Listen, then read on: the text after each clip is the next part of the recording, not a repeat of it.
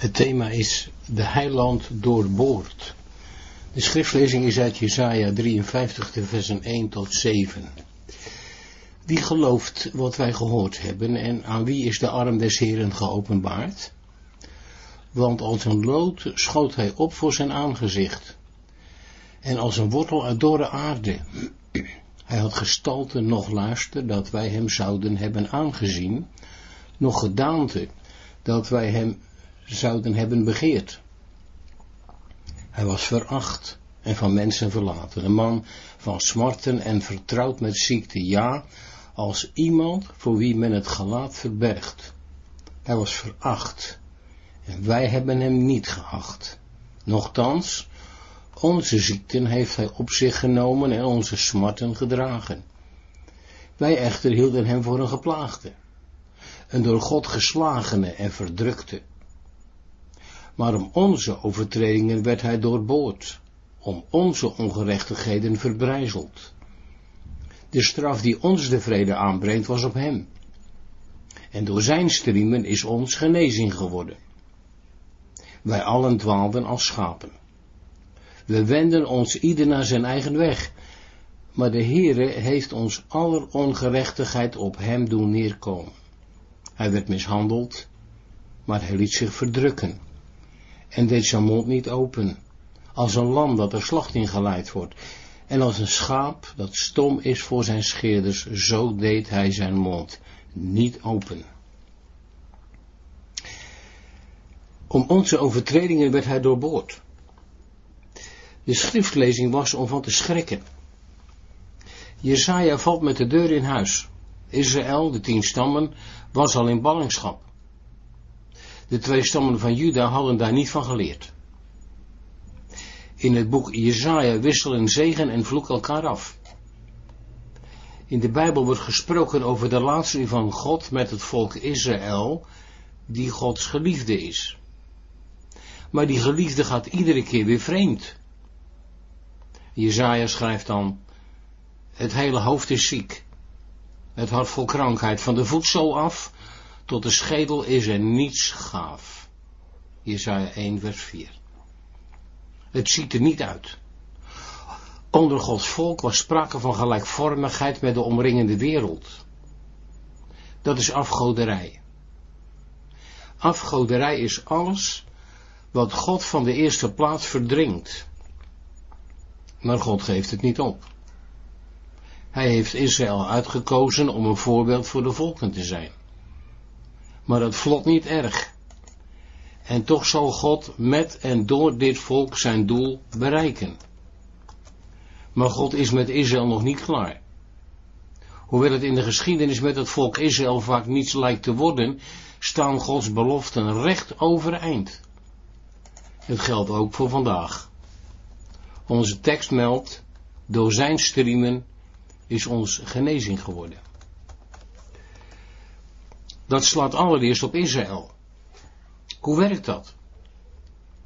Zeven, zeven eeuwen na de profeet Jesaja meldt het evangelie van Lucas over de Heer Jezus.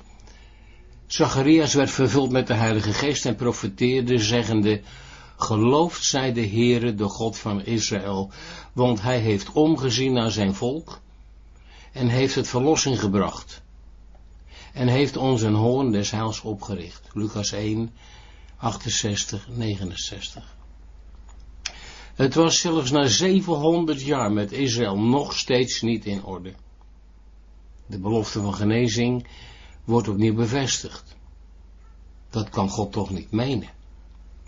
Israël is bezet door de Romeinen. Uitzicht op bevrijding is er niet. Wat bedoelt hij? Verlost. Waarvan? De tekst gaat verder om ons te redden van onze vijanden en uit de hand van allen die ons haten, en aan zijn volk te geven kennis van heil in de vergeving van hun zonden. Lucas 1, de versen 71 en 77. Aha, dat is de bevrijding. Niet langer onder vreemde overheersing en vrij van de zonden. Dat wordt aangekondigd en gaat in werking. In hoofdstuk 1 van het boek Jesaja begint de profeet met de schokkende woorden, Wee het zondige volk, de natie, beladen met ongerechtigheid, het gebroed van boosdoeners, de verdorven kinderen. Ze hebben de Here verlaten, de heilige Israëls gesmaad, zich achterwaarts gewend. Waar wilt gij nog meer geslagen worden, dat gij voortgaat met af te wijken? Het gehele hoofd is ziek, het gehele hart vol krankheid. Van de voedsel af tot de schedel is er niets gaaf. Wonden, striemen en verse kwetsuren die niet uitgedrukt zijn, nog verbonden, nog met olie verzacht. Isaiah 1, de versen 4 tot 6. Het is niet te geloven dat God dit over zijn volk moet zeggen.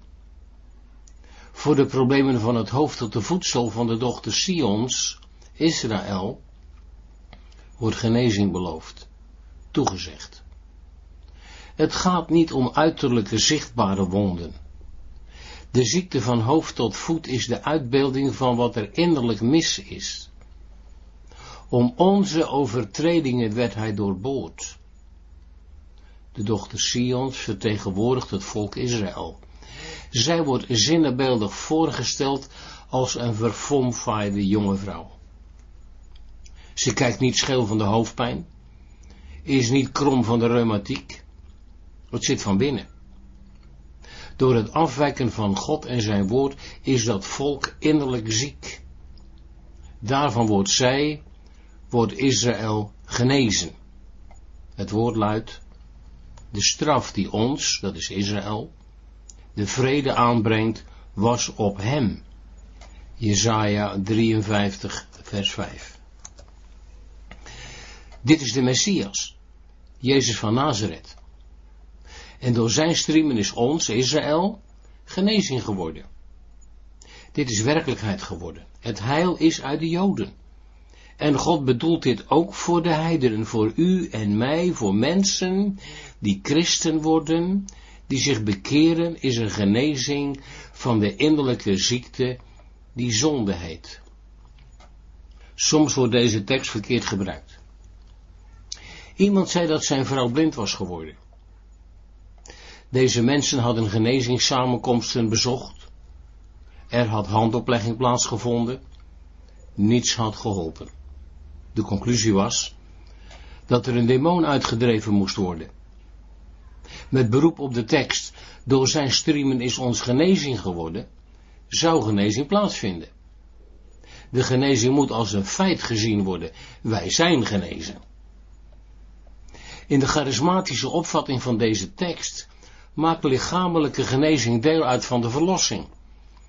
Het is alles volbracht op Golgotha, ja toch? Als we tot bekering en wedergeboorte komen, hoort de genezing erbij. Het staat er immers. Dat moet je geloven, ook al zie je het niet, daar heb je recht op. Dan moet er lang en indringend gebeden worden. Dit is een verkeerde uitleg van Gods woord. Het verlossingsplan voltrekt zich in fasen. De apostel Petrus legt het uit. Die zelf, dat is Jezus, onze zonden, niet onze ziekte, in zijn lichaam op het hout, op het kruis, gebracht heeft. Opdat wij aan de zonden afgestorven voor de gerechtigheid zouden leven en door zijn striemen zijt gij genezen. Voor wie gelooft, heeft de rechtvaardiging plaatsgevonden. In het heden voltrekt zich de heiligmaking. In de toekomst vindt de opstanding van ons lichaam plaats. Het gaat om de totale mens.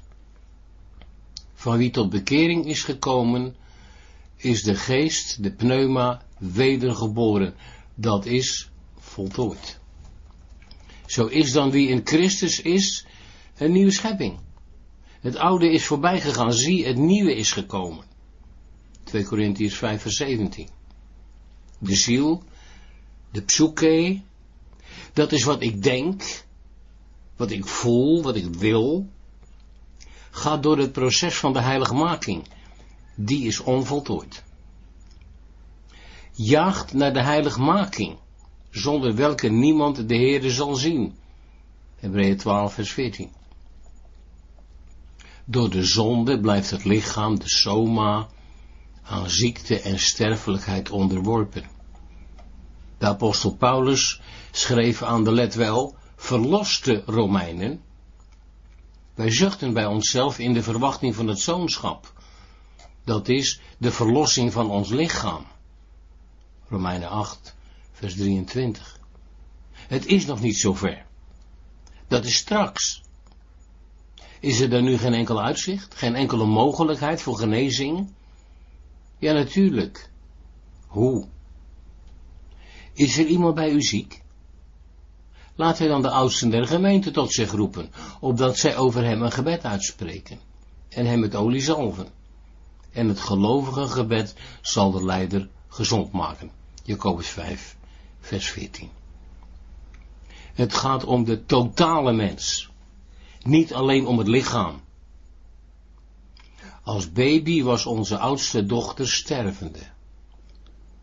In gelovig handelen overeenkomstig Jacobus 5 werd ze genezen. De Heer zei ja in antwoord op ons gebed. Toen ze 37 jaar was, overleed ze. In gelovig handelen naar Jacobus 5 zei Mirjam, uw wil geschieden. Dit keer zei de Heer nee. Haar lichaam werd zichtbaar afgebroken. Geestelijk was ze kerngezond. De eerste keer gaf God lichamelijke genezing. De tweede keer niet. Zijn naam zij geprezen.